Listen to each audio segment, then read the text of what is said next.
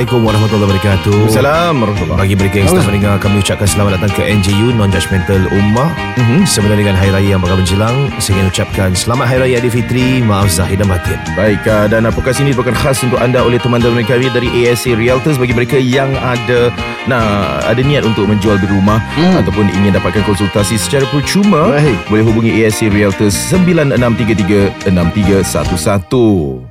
Ikuti Instagram mereka ASA underscore realtor. Ya tadi kita dengar pada episod kedua juga kan Ya. Tentang bagaimana mereka memberikan tips Macam mana nak jual rumah hmm. Yang musim raya ni Ah. Cantik-cantik kan Boleh jual sekali hmm. uh, Bolehlah telefon mereka juga pada hari raya ini Ya. And Now it's on to the show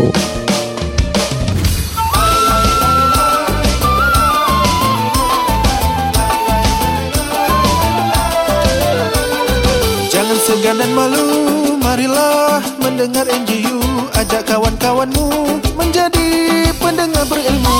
Jangan segan dan malu Marilah mendengar NGU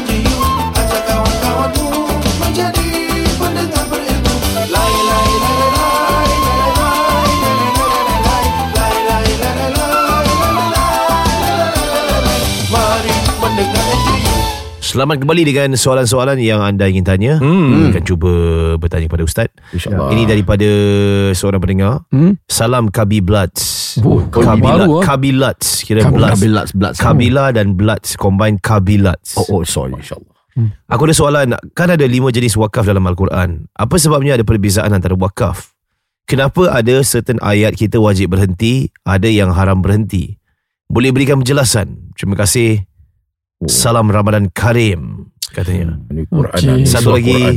Salam Kabilat Aku nak tanya soalan berkaitan Lailatul Qadar Hmm. Kalau su- kalau buat baik Masa tu bersamaan Buat baik seribu bulan oh. Aku dengar ada pakcik cakap Kalau buat dosa masa Lailatul Qadar Hmm.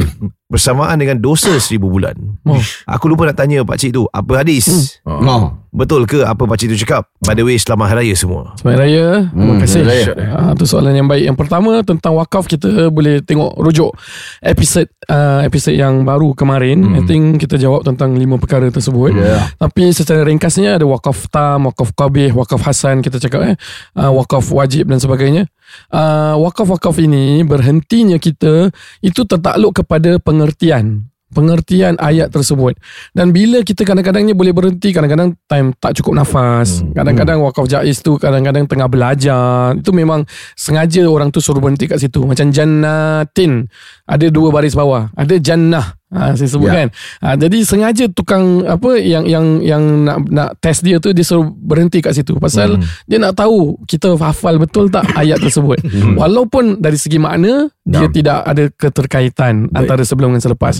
Jadi secara ringkasnya tentang wakaf-wakaf tersebut boleh kita tahu kenapa dia boleh berhenti di sini sana? Kerana ada makna-makna yang tak tak sesuai untuk berhenti. Fawailul lil musallin. Terus berhenti. Hmm. maka celakalah bagi orang yang sembahyang Eh. ah mana boleh? Oh. allazina hum an salatihim sahun. Kena explain lepas tu kan? Hmm. ataupun lebih jelas la taqrabus sola wa antum sukara kan? La taqrabus sola jangan dekati sembahyang Hmm. ah, tak boleh berhenti kat situ. Tapi wa antum sukara.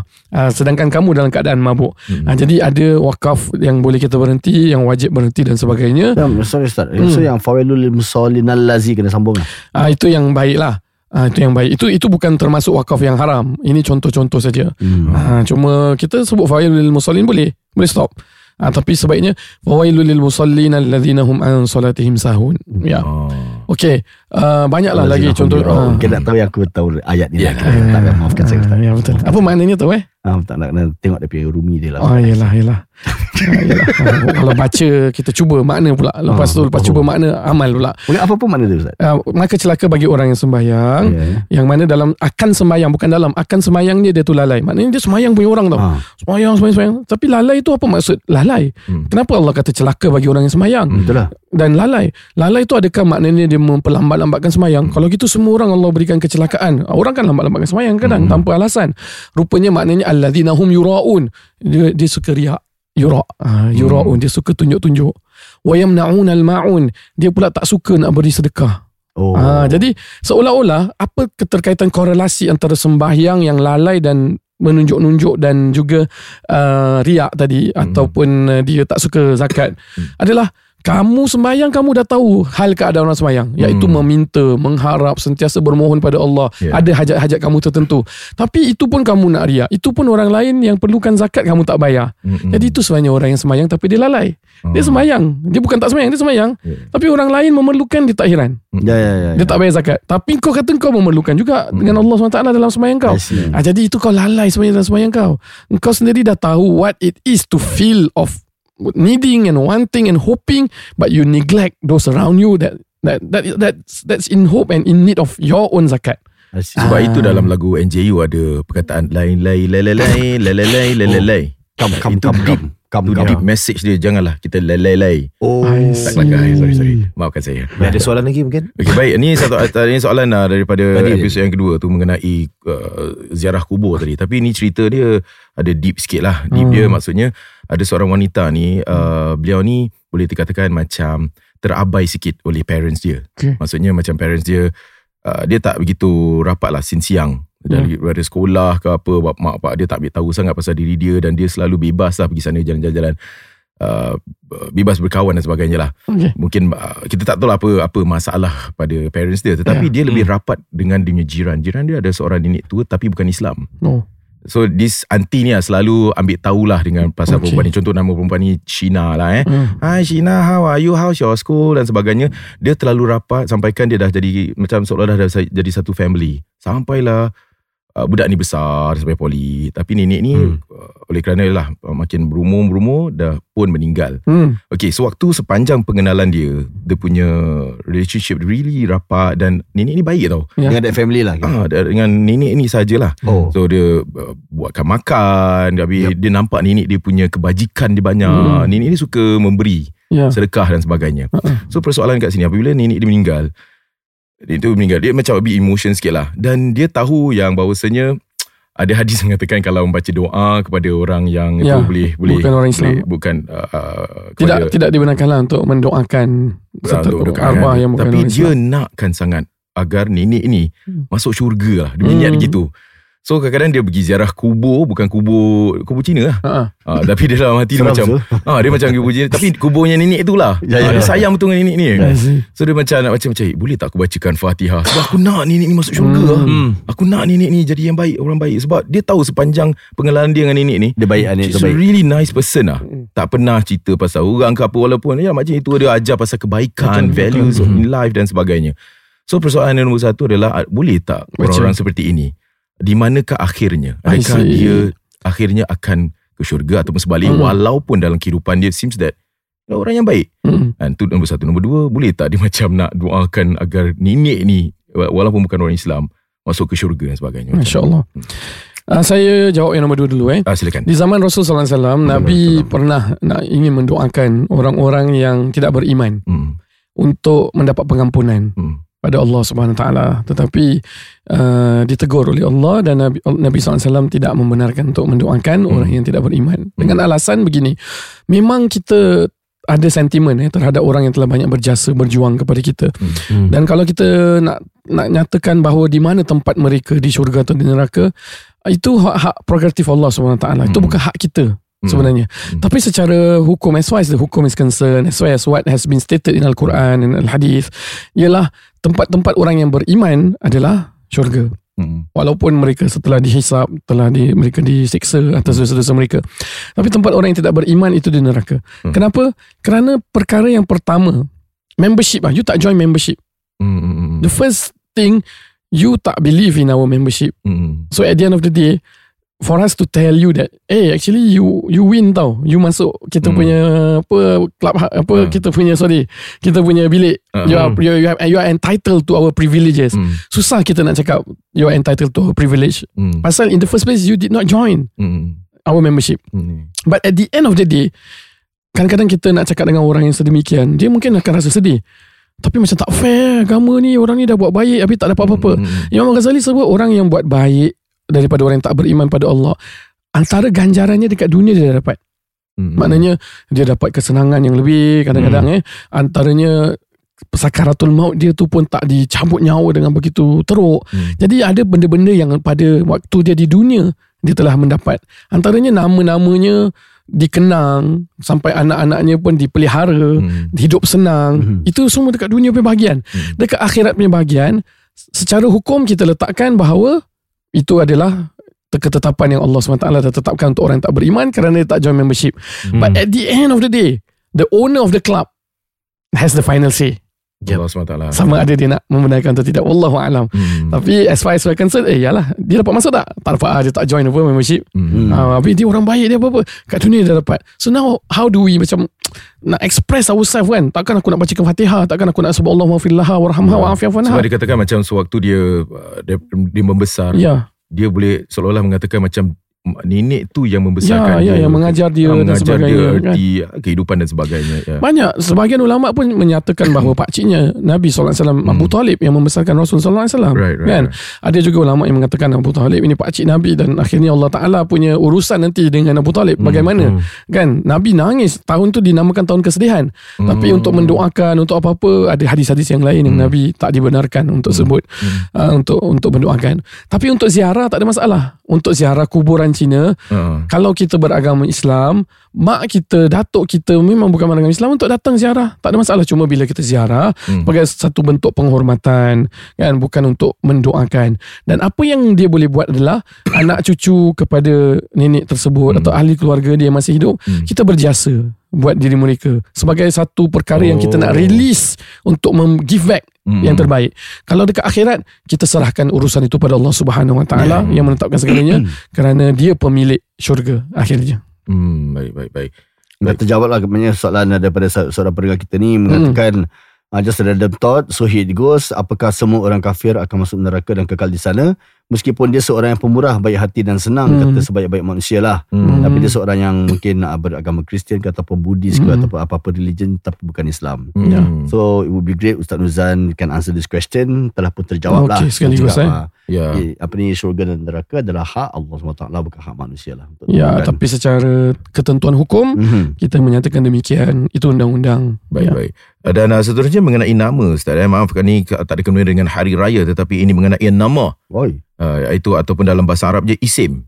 Ah, Oh, aduh. Isim tu yang pendengar mustar tu tak cukup Se- isim ah, sebelum kita belajar silat, kita belajar isim dulu. Ah, isim tu. Itu apa? Itu alat belajar ni eh, baca-baca Ah, eh. belajar Ah. baca tu. Itulah sebab itu ada mamang tanah, mamang api, mamang angin, mamang Itu air. mambang semua tu. Oh yalah, ini bukan mambang ni nama dia. Jin tu tu. Tak, tak, tak, tak, tak. Dia cakap apa hukum taruh nama bayi lelaki dengan Muhammad? Adakah ia sunnah? Kalau kita tak letak adakah kita berdosa lah? Macam gitulah. Tapi takkanlah sebab Okey, dosa Nur tidak. tak. Okey macam mana Ustaz? Ya, Ahmad Sadiqin ada Ahmad pun kira Muhammad lah eh. Hmm. Ah, ya, ya, Ahmad ya. tu Muhammad. Saya tak ada Ustaz. Ha? Hmm. Ya, jadi kalau kita katakan sunnah, Nabi kita sebutkan uh, Sammu abna'akum Abdul Rahman. Namakan anak-anak kamu Abdul Rahman dan sebagainya nama-nama Allah dan hamba kepada Allah. Tetapi kalau tidak boleh, ulama kata namakan dengan nama para anbiya. Kerana antara level manusia para anbiya yang terhebat dan nama itu satu doa, nama itu zat diri kita yang kita akan dipanggil di akhirat juga dengannya dia kekal eh walaupun jasad kita di mahbubi Hmm. maka kita tentu nak nama yang baik dan nama yang terbaik adalah nama Muhammad Hmm. sallallahu alaihi wasallam sampai orang-orang kafir pada ketika Quraisy tu orang kafir Quraisy Hmm. dia nak hina nabi pun susah Hmm. sebab itu dia kadang-kadang cuba elak dengan nama Muhammad Hmm. pasal dia nak hina nabi si Muhammad ni orang jahat tapi dia dah puji pasal Muhammad tu yang terpuji Hmm. oh. kan maknanya sekali yang terpuji Hmm. so that's why dia cuba elak dia kata Abul Qasim dan sebagainya pasal dia nak kutuk Nabi Muhammad pun dia sebut Muhammad yang terpuji dia dah puji dah Alright. Ha, jadi itu nama yang baik. Ha, kalau kita tak nak pun dengan nama tersebut tidaklah dia menjadi salah, Hmm. tidaklah menjadi dosa, tidaklah kita menjadi orang-orang yang apa anak tersebut menjadi orang-orang yang jauh dari rahmat Allah Subhanahu Wa Taala tidak. Ha, cuma kalau orang kata tentang tertib nama nama yang terbaik adalah nama-nama yang bersangkutan dengan hamba kepada Allah dan juga para nabi-nabi dan orang-orang yang baik dan soleh. Ah, Okey baik dan ni kembali dengan uh, persoalan mengenai uh, hari raya lah eh. Kembali Okey. dengan takbir Satu ni. lagi, ya. Kalau kalau Hmm. takbir ni Ustaz, berapa hari takbir untuk Adil uh, Adil Fitri Ustaz? Okey, hari raya Aidil Fitri bermula daripada maghrib.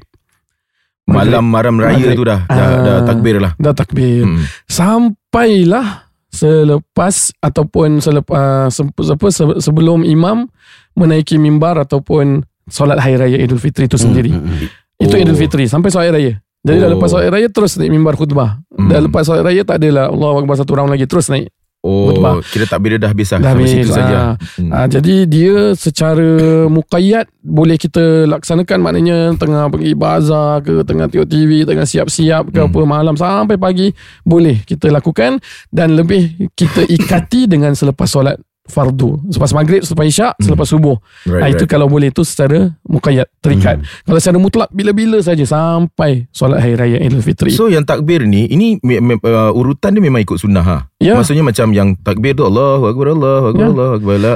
Lepas tu kadang-kadang orang macam tiga kali Baru dia whack dia punya Allahu Akbar kabira Alhamdulillah Dia kena macam gitu Ataupun ada lain-lain dia sikit dia ada lah? banyak versi ah. Ada banyak versi uh, Tetapi intinya Mesti ada Sadaqa wa'ada Wa nasra abda Mesti ada takbir Kerana versi-versi takbir ni Ada daripada hadis Hmm. Ada juga daripada pandangan para ulama Yang menambahnya Oh. Contohnya kalau kat Mesir Kita ada belajar Apa Muhammad wa ala ali Muhammad wa ala azwaji sayyidina Muhammad wa ala ansari sayyidina Muhammad wa sallim tasliman kathira. La ilaha illallah. Ada versi yang lain juga. Ah, tak kerana itu lain, ah, ah. tambahan para ulama tapi intinya adalah takbir lah Inti, Ah. intinya adalah takbir mengagungkan dan membesarkan Allah Subhanahu Wa Taala. Ah. Berbeza kalau hari haji, takbir dia tetap sama tapi maksudnya waktu dia berbeza sikit sampai hari-hari tasyrik. Hmm. Hmm. tadi saya terlepas soalan yang daripada Zar tadi iaitu Hmm. hmm. Lailatul Qadar. Ah. Tentang orang tu buat dosa, kalau dia buat dosa pada mal- malam-malam Lailatul Qadar adakah menambah sehingga seribu kali dosa seperti mana kalau dia buat kebaikan ketaatan? Ah. Jawapannya tidak. Ah. Ulama pernah bahaskan tidak. Ini sebahagian dari bentuk rahmat Allah. Kau buat apa kebaikan kalau kena pada malam-malam ini, aku akan double up ataupun triple sampai seribu kali. Hmm. Tapi kalau kau buat kesalahan, itu merupakan dosa yang besar daripada dosa biasa pada hari-hari lain, tapi tak sampai seribu. Ah. Ha, ulama kata, yes, it is a sin and it is a sin yang apa lebih daripada kalau kau buat di waktu lain Ah. tapi tak sampai dikalikan seribu itu pandangan jumhur ulama Oh, Pak Cik ni pun baik-baik lah eh. Bukan memberikan Jadi ini sebahagian dari rahmat Allah. Kita buat ketaatan Allah lipat gandakan dan bila kita buat kesalahan tidak sampai sedemikian. Ya, Kita doakan yang terbaik untuk Pak Cik ni dan uh, untuk ramai lagi pakcik-pakcik yang mendengar NJU ya insyaAllah. yang sedang mendengar. Kita berehat seketika untuk uh, bersama dengan teman penaja secara selepas ini. We forget that we came from a plot and we were nothing. Bila kita dipuji, harusnya kita berdoa, Allahumma ja'alni khairan mimma yazunnun. Ya Allah, jadikan aku lebih baik daripada apa yang mereka sangkakan. Podcast ini dibawakan khas kepada anda oleh teman-teman kami di ASA Realtors. Bagi mereka yang memerlukan konsultasi hartanah ataupun health property check boleh hubungi 96336311 96336311. Boleh ikuti Instagram mereka ASA underscore Realtors Yang masih lagi bersama dengan Ejen Syahid Ejen Ahan eh, Dan kepada semua The NGU of the Pillars um, ni, Tadi podcast yang kedua tadi Kita dah bincang tentang tips-tips Ataupun apa yang kita harus um, Lihat eh Mhm. Apabila kita nak jual rumah Sekarang kita nak beli rumah ni Paling penting Okay. Nak Beli rumah beli, first okey. Macam mana tau bro First saya rasa beli rumah Nak kena tahu loan dia macam mana dulu lah Mm-hmm. Lepas tak lepas Kerja tak kerja Betul. Ah, Kalau asyik uh, Apa ni Biawak hidup kat rumah Macam beli rumah Okey, Oh, okey. tu kira terus direct eh. Ya terus direct lah Melainkan bapak kau kaya lah Ada cash Ah, Bapak kaya pun bukan senang-senang bapak nak kasih duit. Betul, Ah, betul. Mana tahu anak dia satu je Hmm. Itu pun biawak hidup Ada ada situ Jadi apakah tips-tips untuk uh, apa yang kita harus lihat kalau kita nak beli rumah ni di Singapura macam mana? Hmm. Alright, I think tadi uh, Razi you mention a very good point kan uh, About HLE loan eh. Yes. Jadi kadang-kadang ada buyer kan Bila preview kan Diorang tak ada loan Ni pun masalah juga lah Tapi view dulu. View dulu uh, Aduh, Especially uh, DIY buyers lah We encourage them that Bila nak pergi view tu Make sure dah ada lah Eh tapi sebelum view jangan lupa Buka lampu Ah, betul lah Jangan dah kasi Tiga Seller, seller. Oh. Seller, Seller. Sekarang buyer pula Oh, buyer. but, uh, but, but the same thing I think the first step Is always about the financial calculation That one Yeah. is the key lah Orang kata tu key element Ataupun the pillar Hmm. Before you decide nak jual beli lah Hmm. Tadi jual pun kita buat Beli pun sama juga Sama pentingnya Rukun-rukun membeli lah Ah, Salah rukun satu membeli, adalah eh. tahu tentang uh, Financial. financial. Correct Your financial portfolio semua uh, Okay ke tak nak beli Right. And then uh, First will be loan You need to check your loan Kadang-kadang macam-macam uh, factor tau You ingat Okay gaji you besar sikit Hmm. Then after that uh, Loan tak ada hal lah Hmm. Sekali loan rejected Correct. Hmm. Oh, asal Ya. eh? Asal eh? Ada macam-macam lah Your credit rating tak bagus Yeah. uh, So Kalau kadang-kadang you self-employed And then tak declare betul-betul Yeah. Ataupun Yeah. kurang So there's a lot of factors Yang can affect your loan Mm-mm. So you need to get your loan approved dulu uh, To get the HLE Kalau daripada HDB Kalau daripada bank It will be called IPA lah In principle approval Yeah. So at least we know What so called your budget That you can uh, go lah Pasal CPF kita boleh tengok Daripada CPF page Correct. Cash you know But loan part you need to apply dulu Correct. uh, before you so called pergi tengok for fun waste time lah to be honest with you waste your own time and then waste the other party punya time juga kan Yes. Ah, so Loan that- kalau uh, maaf kalau loan approve, Aha. loan kena approve dulu baru beli kan? Yeah. correct Baru beli. yes. Tapi kalau loan approve habis tak jadi beli, tak ada apa tak ada apa-apa. tak kan? ada apa Oh, Ah, okay, okay. so It's free lah bro to apply loan. Oh ya ya ya. So kalau orang pergi property health check, hmm. orang boleh dengarkan tips-tips macam mana nak apa approve HLE, macam mana nak Hmm. lebihkan. Yep. Pasal kadang-kadang ada agent yang okay, your loan tak lepas tapi I will advise you to do this, this, this. Yes, this. of course. Yeah. Yeah. Kita akan buat juga. Kita ada- ada clients yang uh, loan rejected. So, kita tolong what are the m- methods yang kita boleh. Certain banks reject, certain banks masih boleh ambil. Okay. So, there's a lot of other things that we will look into sampai insyaAllah they can purchase their own unit lah. So, that's the the first one. Eh. Maybe ada agent nak tambah lagi. Ah. uh, I mean, yeah, I think uh, it's important for the loan also lah. Uh, once loan dah okay, then after that you can uh, start to look out for uh, where are the locations that you want to uh, buy the house. Hmm. Right. Uh, pasal So- ada location pun uh, you tak boleh beli pasal oh apa itu ethnic kota. Yeah, macam yeah, correct. uh, kalau you Melayu nak beli kat Tampines ah susah lah macam ni. Hmm. Ah. Kira Melayu tak boleh beli rumah Cina lah. Hmm. Yeah, Lain. yeah, lain. Etnik correct, lah. yeah, Ah, correct, Melayu yeah. kena beli rumah Melayu je. Melayu Ah. Melayu keluar Melayu masuk lah. Melayu tak boleh eh. Etnik gitu aja. Yeah, betul. Yeah. Yeah. So that one uh, plays a very uh, important role lah. If you are if you are looking at a place where the punya ethnic quota is uh, difficult for your race. Kalau Kalau kahwin India, Yishun problem. India Yishun. Kalau kahwin campur je mana? Macam uh, uh, la- uh, Boleh, boleh pakai dua-dua. lelaki, Boleh, yes. eh suami lelaki. suami Melayu, uh, isteri Cina. macam Boleh pakai dua-dua. Boleh pakai kena dua-dua. pilih lah uh, You Ah. kena pilih Which one you nak pakai So Ah. kalau tempat tu Orang Melayu tak boleh beli Tapi boleh pakai Your partner punya yeah. So that's a beauty Kalau siapa yang ada Dua uh, Lain-lain race So lah kadang-kadang actually aku nak kahwin satu isteri Cina masuk Islam yang pasal ni lah nak beli rumah. Tak kena kahwin satu. Kahwin lah. civil je lah. Eh, Tak boleh lah. Hmm, eh, jangan lupa ni podcast NJU eh. Tahu tahu tahu. Okay. Yeah, Asalkan yeah. Ejahan je. Yeah, yeah. Okay, so uh, so bila dah bila dah, dah dah okay dengan location, then you can uh, start to view uh, the houses over there lah. Uh, so when you view uh, the houses, a uh, few things for you to look out for also lah. Common sense again, it's actually um uh, what's the condition of the house. I think that's the most important thing lah. Okay. Uh, so macam kalau you nampak dia cat over benda macam uh, leaking, actually you boleh tahu juga. Mhm. Uh, And then uh, lampu uh, you pun boleh fikirlah macam mana bila apa dia buka tingkap ke tak. Uh, Yeah. And then Mentor eh. Eh, Tak ada. Betul, betul, betul. Wait, wait, wait, wait, Itu wait. Viet tu. Oh dah. Tu RES punya exam yeah. yeah, I think uh, yeah, also to add on kan bila you dah pergi viewing kan Yeah. uh, it's also important uh, you have to understand that in future uh, kalau you boleh beli rumah yang ada potential resale value Yeah. Ada jangan main beli macam ikut suka hati macam beli je. Uh, but you have to understand that in future kenapa orang uh, kita understand from our industry facing main peranan, tingkat main peranan, jiran main peranan, layout main peranan, macam-macam ah. So because in future you might want to sell. Even Yeah. though sekarang you cakap tak lah kita rasa kita dah kena tinggal sampai mati lah. Mungkin lah eh. Tapi you wouldn't know. Things change as we go on Yeah, along kan. So betul. kalau you dapat beli rumah yang the potential resale value is very good, Yeah. senang untuk you jual nanti and then you tak ada fikir you can fetch a better price you can sell easy easier compared to rumah-rumah yang mungkin ada some challenges atau some uh, orang kata tu cons lah eh Hmm, correct, correct. Ya. Yeah. Jadi yang sedang mendengar inilah masanya untuk berbicara bersama dengan teman-teman kami daripada ASA Realtors. Walaupun tak ada hajat untuk membeli ataupun menjual tak salah untuk kita duduk bersama dengan mereka untuk membuat perancangan. Sebab uh, kalau kau nak merancang ni dia akan ambil masa lah. Dia bukan hari ni nak jual kau terus jumpa dengan ejen Betul. harus ada perancangan tanya berapa harga dalam market berapa keuntungan boleh dapat dan apa perancangan masa depan. Jadi perkara-perkara ini boleh berbual bersama dengan ASA Realtors dengan cara ini. 9633-6311 Ini talian untuk anda dapatkan Ejen Syahid 9633-6311 Ikuti Instagram mereka ASA underscore realtors.